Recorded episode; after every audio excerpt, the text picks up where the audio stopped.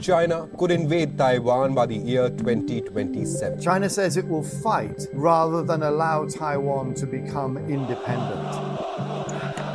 Efter Hongkong riktar Kina strålkastarna mot Taiwan. På båda sidor av Sydkinesiska havet skramlar man med vapen och militära övningar pågår just nu. I mitten av konflikten står USA. Men kan Taiwan räkna med stormakten? We urge the US to stop stirring up trouble. På en kvart berättar vi om världspolitikens nya hotspot och när spänningarna kan övergå i krig.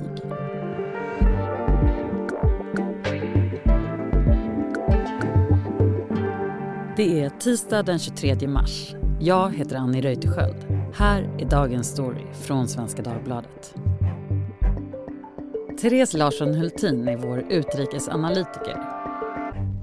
Therese, du har precis skrivit om vad många spår kan bli världspolitikens nästa slagfält. Berätta. Mm. Det handlar alltså om Taiwan, denna lilla ö utanför den kinesiska sydöstkusten som man i Washington nu är väldigt orolig för att det kan bli en väpnad konflikt över. Att det skulle kunna bli ett regelrätt krig mellan Kina och USA över Taiwan.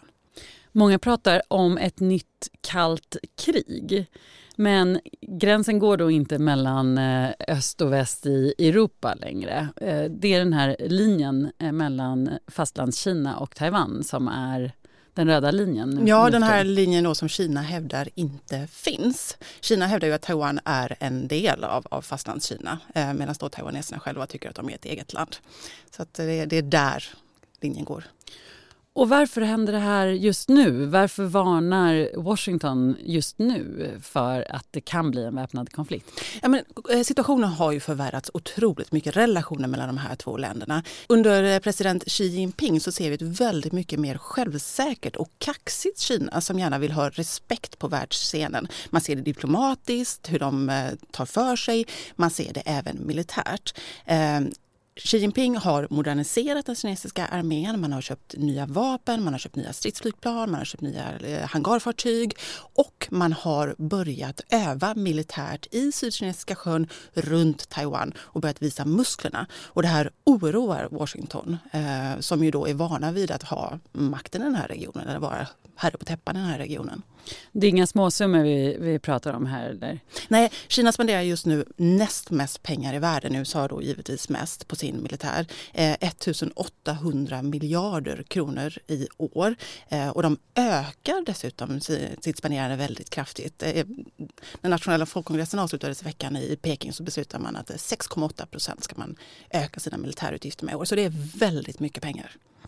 Du skriver ju om eh, oroade röster i Washington. Vad är det för tecken de ser nu? Ja, men det är det här skramlandet med vapen, att man är ute och övar militärt. Just nu pågår det en stor militärövning som ska vara en månad i närheten av Taiwan.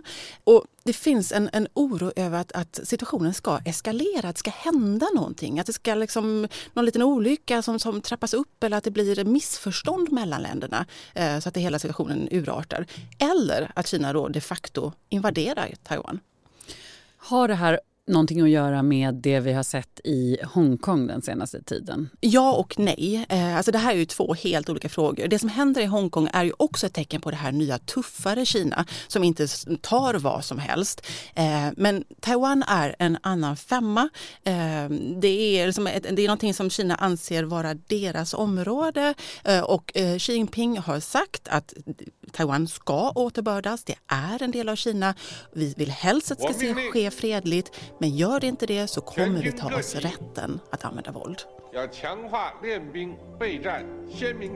Mao Zedong och kommunistpartiet vann det kinesiska inbördeskriget på 40-talet. Nationalistregeringen flydde då till Taiwan och flyttade republiken Kina dit. Kommunistpartiet utropade Folkrepubliken Kina på fastlandet. Länge representerade Taiwan Kina på världsscenen och i FN men när Nixon började ha diplomatiska relationer med det kommunistiska Kina på 70-talet tog Fastlandskina också över den rollen. Under 80-talet föddes idén ett land, två system. Hongkong, Macao och Taiwan skulle få behålla sina kapitalistiska ekonomier och politiska system men ändå vara en del av Kina. USA har hela tiden haft Taiwan som en allierad där man har lovat eh, mer eller mindre att, att vi kommer inte lämna er i sticket. Samtidigt som man har varit väldigt noga med att inte erkänna Taiwan eh, som ett land. För att där sätter Peking tydliga regler. Man får inte ha diplomatiska relationer med, med Peking om man även har det med Taiwan. Så för USA så gäller det en, det en väldigt fin balansgång där, där man har inofficiella relationer med Taiwan och är en inofficiell allierad och man säljer vapen då exempelvis till Taiwan för att hjälpa dem. Och om vi ser till situationen nu då, kan Taiwan lita på att USA skulle skydda dem om Kina går till angrepp? Nej, det är ju det de inte riktigt kan. För är Taiwan värt att gå till krig över? Mm. Biden har sagt eh, att jo, men vi står Taiwan bi och så vidare. Men, men Taiwan känner ändå en viss oro att mm, kan vi verkligen lita på det här? Så de har börjat köpa mer vapen. De har också biffat upp sin militär och de övade också eh, vad som skulle hända vid en invasion häromveckan bara. Eh, så att nej, de litar inte. De hoppas men de litar inte fullt ut på att USA kommer. För USA så är det ju ändå så här att det är en allierad och skulle man inte komma och hjälpa Taiwan så skulle ju andra allierade i regionen men även som baltstater och så vidare bli väldigt oroliga för att man, USAs allierade förlitar sig på att USA ska komma och hjälpa om någonting händer. Så att mycket talar ju ändå för att USA skulle komma, eller jag ska säga att det mesta talar ju för att USA skulle komma och hjälpa Taiwan. Hur är stämningen i Taiwan nu då? Är man orolig? Eh, syns det på gatorna? Eh, finns det protester mot eh, fastlandskina? Ja, alltså det, det, finns protester. Det är rätt mycket människor från Hongkong som har flytt till Taiwan under när situationen har förvärrats i Hongkong. Eh, och det finns också en tydlig oro i Taiwan. Eh, Kina har blivit mindre populärt. Bara 1 procent av kineserna, jag såg en ny undersökning från Pew, ett amerikanskt undersökningsinstitut, att bara 1 % av taiwaneserna säger att de skulle vilja återförenas med Kina inom den närmsta tiden. 63 % säger att nej, nej, nej, nej, inte alls, det vill vi inte. Och de flesta ser sig ju inte heller som kineser, utan de ser sig som taiwaneser. Okej, men vad handlar det här om i tid? När skulle en väpnad konflikt mellan USA och Kina kunna inträffa? 20-talet ses som avgörande av internationella bedömare. I think the threat is manifest during this decade, in fact in the next six years. Sa USAs högsta militär i Stilla havsregionen för någon vecka sedan när han talade inför senaten. Sen så ett annat årtal som nämns är också 2035. Xi Jinping har ju sagt att han ska kunna sitta fram till eh, eh, 2035 om han vill. Då är han 82 år. Eh, Mao var 82 år när han dog. Och man tror, eller det spekuleras i, att, att han vill liksom sitta lika länge som Mao. Och eh, även då, skulle han ha kunnat återförena Kina med Taiwan så skulle det vara en otrolig fjäder i hatten. skulle sätta honom liksom på piedestal där uppe med Mao liksom i det kinesiska eh, kommunistpartiets historia. Kan du säga någonting om sannolikheten i att det eh, skulle hända? Jag kan inte säga det, men eh, amiral som för var eh, James Stavridis som var Natos högsta eh, militär eh, tidigare, han säger en på fyra. Det är ganska stor. Det är ganska stor risk, absolut. Mm. Alltså det finns en väldigt grundmurad oro i Washington och det handlar inte bara om att man vill ha mer pengar till sin egen försvarsbudget? Militärer vill alltid ha mer pengar till, till sin egen försvarsbudget. Men, men det är inte bara liksom, eh, försvarsdelen i Washington som är oroade utan även diplomater, folk på tankesmedjor utan den här utrikespolitiska eliten som finns där är genuint oroade och det är ett stort debattämne. Lite kort, vad är skillnaden mellan Hongkong och Taiwan i relation till Kina? Hongkong är ju en gammal brittisk kronkoloni eh, medan då Taiwan utropade någon form av egen självständighet 1949. Eh, när britterna lämnade tillbaka Hongkong till Kina så, så sa man ju då ett land, två system. Och man garanterar att de skulle fortsätta att ha sin, eh, sitt eget parlament och så vidare. Det har ju förändrats eh, i och med att Kina då har infört förra året en säkerhetslag. Man får inte lov att Eh, alltså de, de, har bundit Hongkong mycket närmare fastlandet. Eh, och det är ju det som gör att Taiwan inte heller tror på när, när Peking säger att men kom, vi kan ha ett land, två system för er också. Eh, man litar helt enkelt inte på att Peking står vid sitt ord. Och kanske med rätta, eller?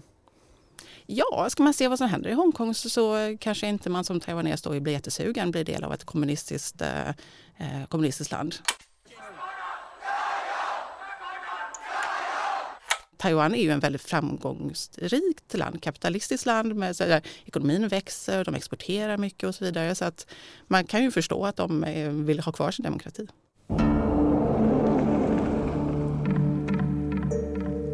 It takes well over a year for a pineapple to reach perfect ripeness. Vad gäller just exporten så är det ett eh, lite intressant eh, exempel som har skett eh, nyligen. Kina har ju satt press på Taiwan och, och många länder med handelsmedel, eh, kanske främst, eh, istället för militära medel. Det handlar om ananas. Ja, har du hört talas om frihetsananaser? Ananasar, vad heter det i plural? Frihets, freedom pineapples. Låter bättre på engelska. Ja, det gör ju det. Eh, Taiwan säljer extremt mycket ananas till Kina. 97 procent av exporten går dit. Den ska skördas i sommar och nu har Kina sagt att nej, det är, ananasen är inte bra i år. Det är något fel på den. Den är sjuk. Eh, och Taiwan har sagt att nej, det är inte alls. Det där säger ni bara för att ni vill sätta politisk press på oss, vilket då Kina hävdar inte är sant. Eh, så därför så har flera andra länder nu ställt upp eh, för Taiwan och Japan ska köpa större delen av den taiwanesiska frihetsananasskörden. Nytt ord. Eh, så det har blivit en väldigt symbolisk fråga. Och, och, har direkt bäring på det här kalla kriget skulle man kunna säga. Ja men det är ju bara ännu ett sätt för, för Peking egentligen att visa att vi har makt över er. Kom inte och eh, håll någon folkomröstning här nu om självständighet, vilket ju då är en röd linje för Kina.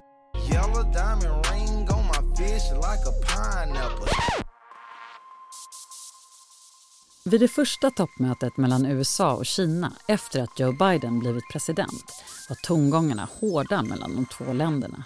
Och en kinesisk toppdiplomat anklagade USA för att ha en kalla kriget-mentalitet. Hur skiljer sig Trump och Biden åt eh, vad gäller just Taiwan? Mm. Jag intervjuade en, en diplomat i USA förra veckan om just det här. Och han är republikan själv, men han anklagade president Trump för att ha kastat bensin på elden under sina fyra år. Han provocerade upp öppet Kina över Taiwan. Bland annat så ringde Trump till eh, Taiwans nyvalda president. Hon är, som kommer från nationalistpartiet och propagerar för självständigt Taiwan. The president-elect turning decades of protocol upside down with his 10-minute phone call with Taiwan. The reaction pouring in, including from China.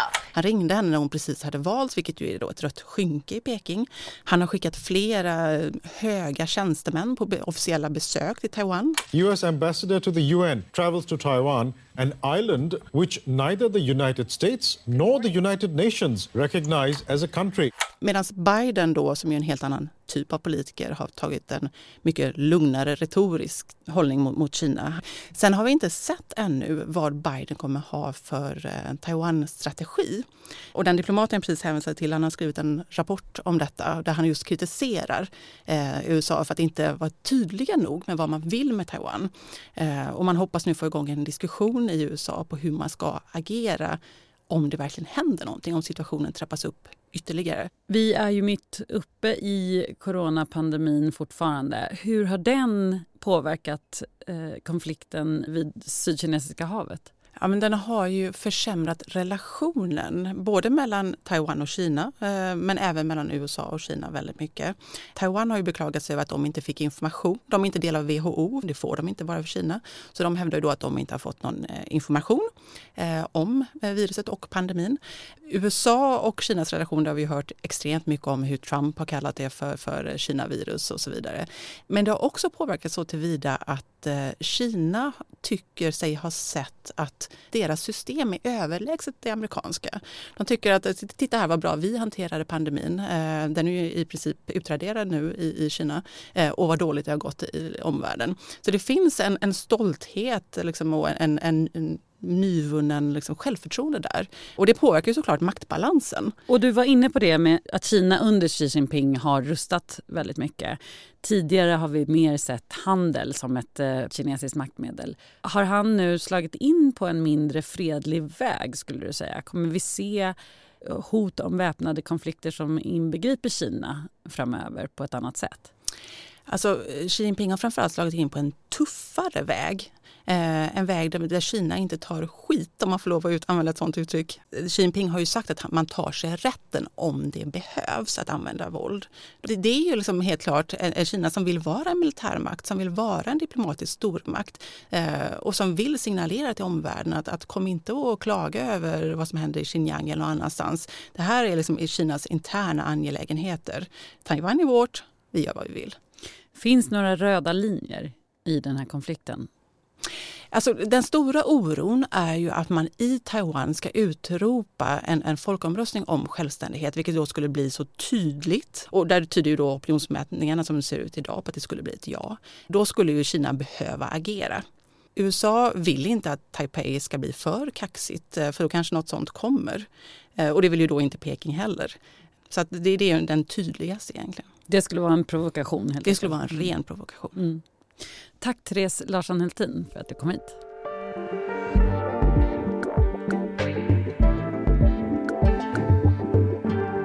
Vi som gjorde programmet idag är producent Siri Hill, redaktör Maria Jelmini och jag heter Annie Reuterskiöld. Och vill du höra heta diskussioner om aktuella frågor?